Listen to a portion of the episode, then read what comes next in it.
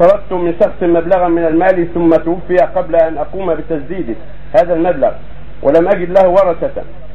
فكما فما اتصرف كيف أتصرف في هذا المال؟ إذا كان عليك دين لإنسان وتوفي ولا تعلم له ورثة تصدق به عنه.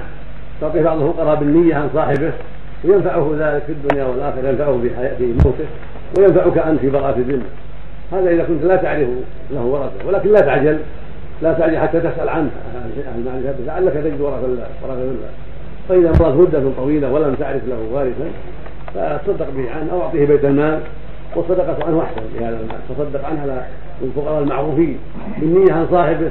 والله يبرئ ذمتك وينفع به من